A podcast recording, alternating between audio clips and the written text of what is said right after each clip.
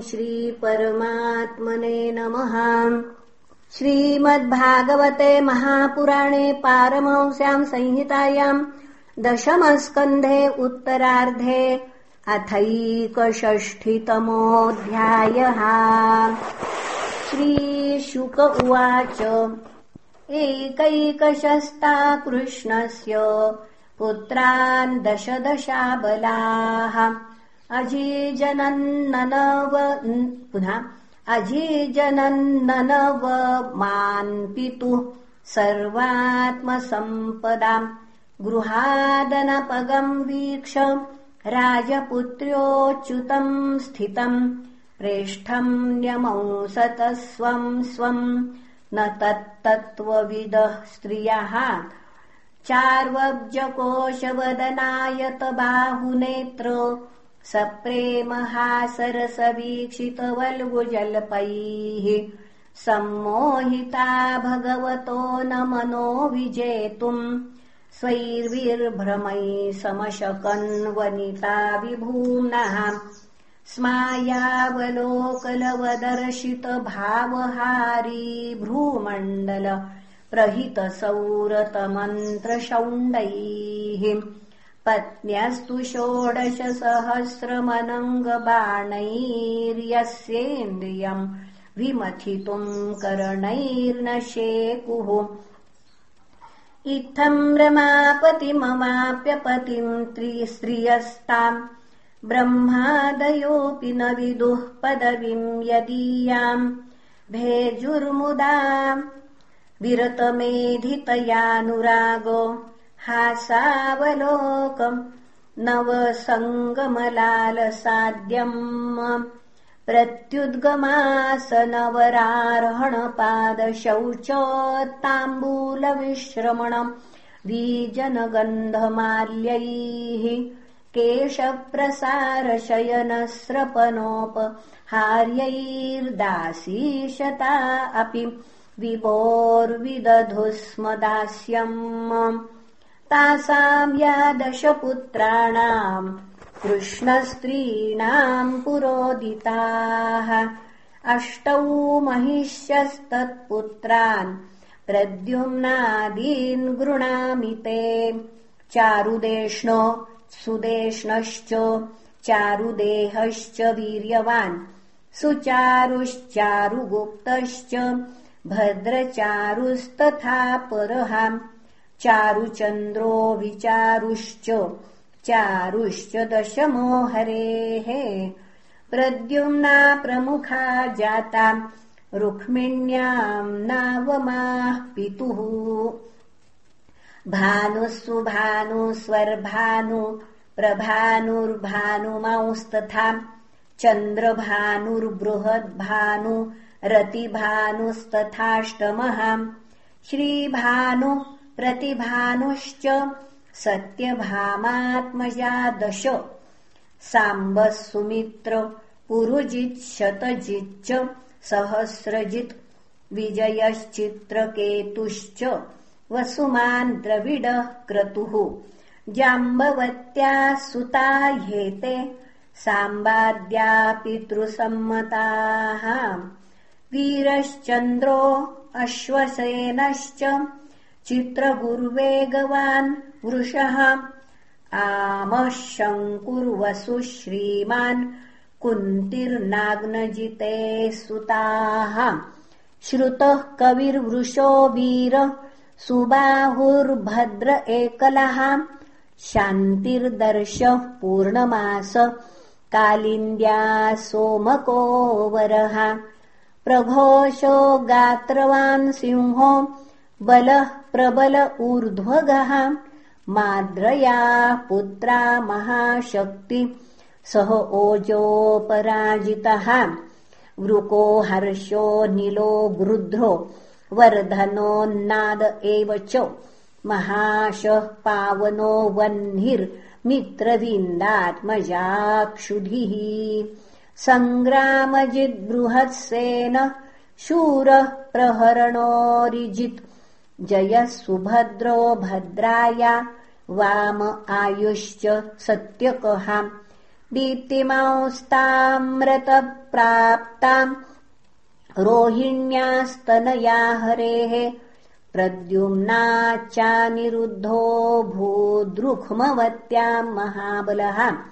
पुत्र्याम् तु रुक्मिणो राजन् नाम्ना भोजकटे पुरे एतेषाम् पुत्रपौत्राश्च बभूवु कोटिशो नृप। मातर कृष्णजातानाम् सहस्राणि च षोडश। राजोवाच कथम् रुक्म्यरिपुत्राय प्रादाद्दुहितरम् युधि? कृष्णेन परिभूतस्तम् हन्तुम् रन्ध्रम् प्रतीक्षते एतदाख्याहि मे विद्वन्। द्विषोर्वैवाहिकम् मिथहाम्। अनागतमतीतम् च वर्तमानमतीन्द्रियम्।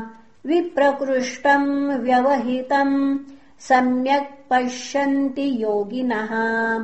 श्रीशुक उवाच। वृतस्वयंवरे साक्षादनङ्गोऽङ्गयुतस्तयाम् राज्ञः समेतान्निर्जित्यो जहारैकरथो युधि।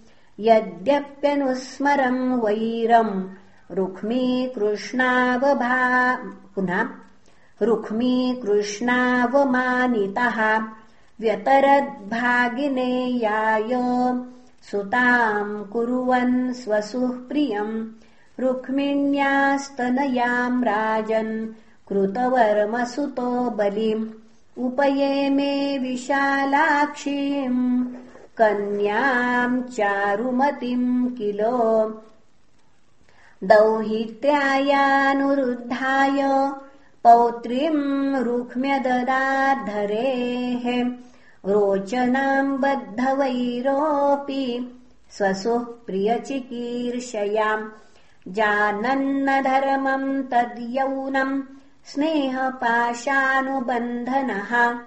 तस्मिन्नभ्युदये राजन् रुक्मिणी रामकेशवौ पुरम् भोजकटम् जग्मुः साम्ब प्रद्युम्नकादयः तस्मिन्निवृत्त उद्वाहे कालिङ्गप्रमुखा नृपाः दृप्तास्ते रुक्मिणम् प्रोचुर्बलमक्षैर्विनिर्जयः। अनक्षज्ञो ह्ययम् राजन्नपि तद्व्यसनम् महत्। इत्युक्तो बलमाहूय तेनाक्षैरुक्म्यदीव्यत।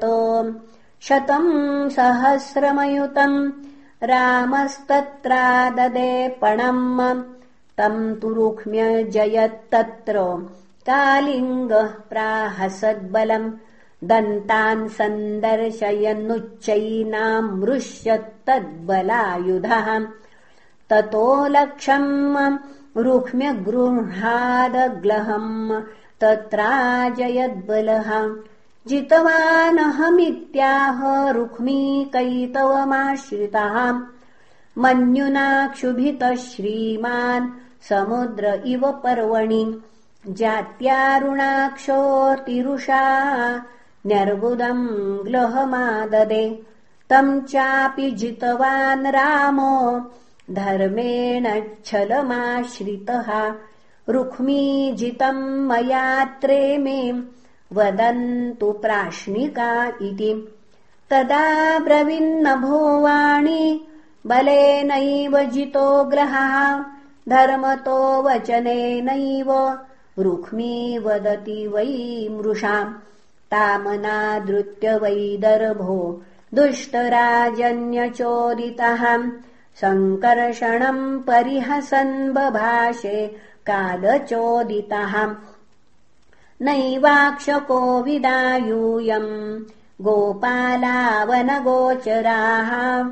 अक्षैर्दिव्यन्ति राजानो बाणैश्च न भवादृशाः रुक्मिण्यैवमधिक्षिप्तो राजभिक्षोपहासितः क्रुद्धः परिघमुद्यम्य जग्नेतम् नृम्णसंसदि कलिङ्गराजम् तरसा गृहीत्वा दशमे पदे दन्तानपातयत्क्रुद्धो यो हसद्विवृतैर्द्विजैः अन्ये निर्भिन्नबाहुरुशिरसो रुधिरोक्षिताः।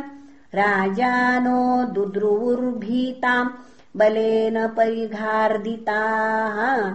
निहते रुक्मिणीश्याले नाब्रवीत्साध्वसाधुवाम् रुक्मिणी बलयो राजन् स्नेहभङ्गभयाद्धरिः ततो निरुद्धम् सह सूर्ययावरम्। रथम् समारोप्य ययुः कुशस्थलीम्। रामादयो भोजकतकटाद्दशार्हाः सिद्धाखिलार्था मधुनाश्रयाः इति श्रीमद्भागवते महापुराणे पारमंस्याम् संहितायाम् दशमस्कन्धे उत्तरार्धे अनिरुद्धविवाहे रुक्मिवधो नामैकषष्ठितमोऽध्यायः। श्रीकृष्णार्पणमस्तु। हरये नमः हरये नमः हरये नमः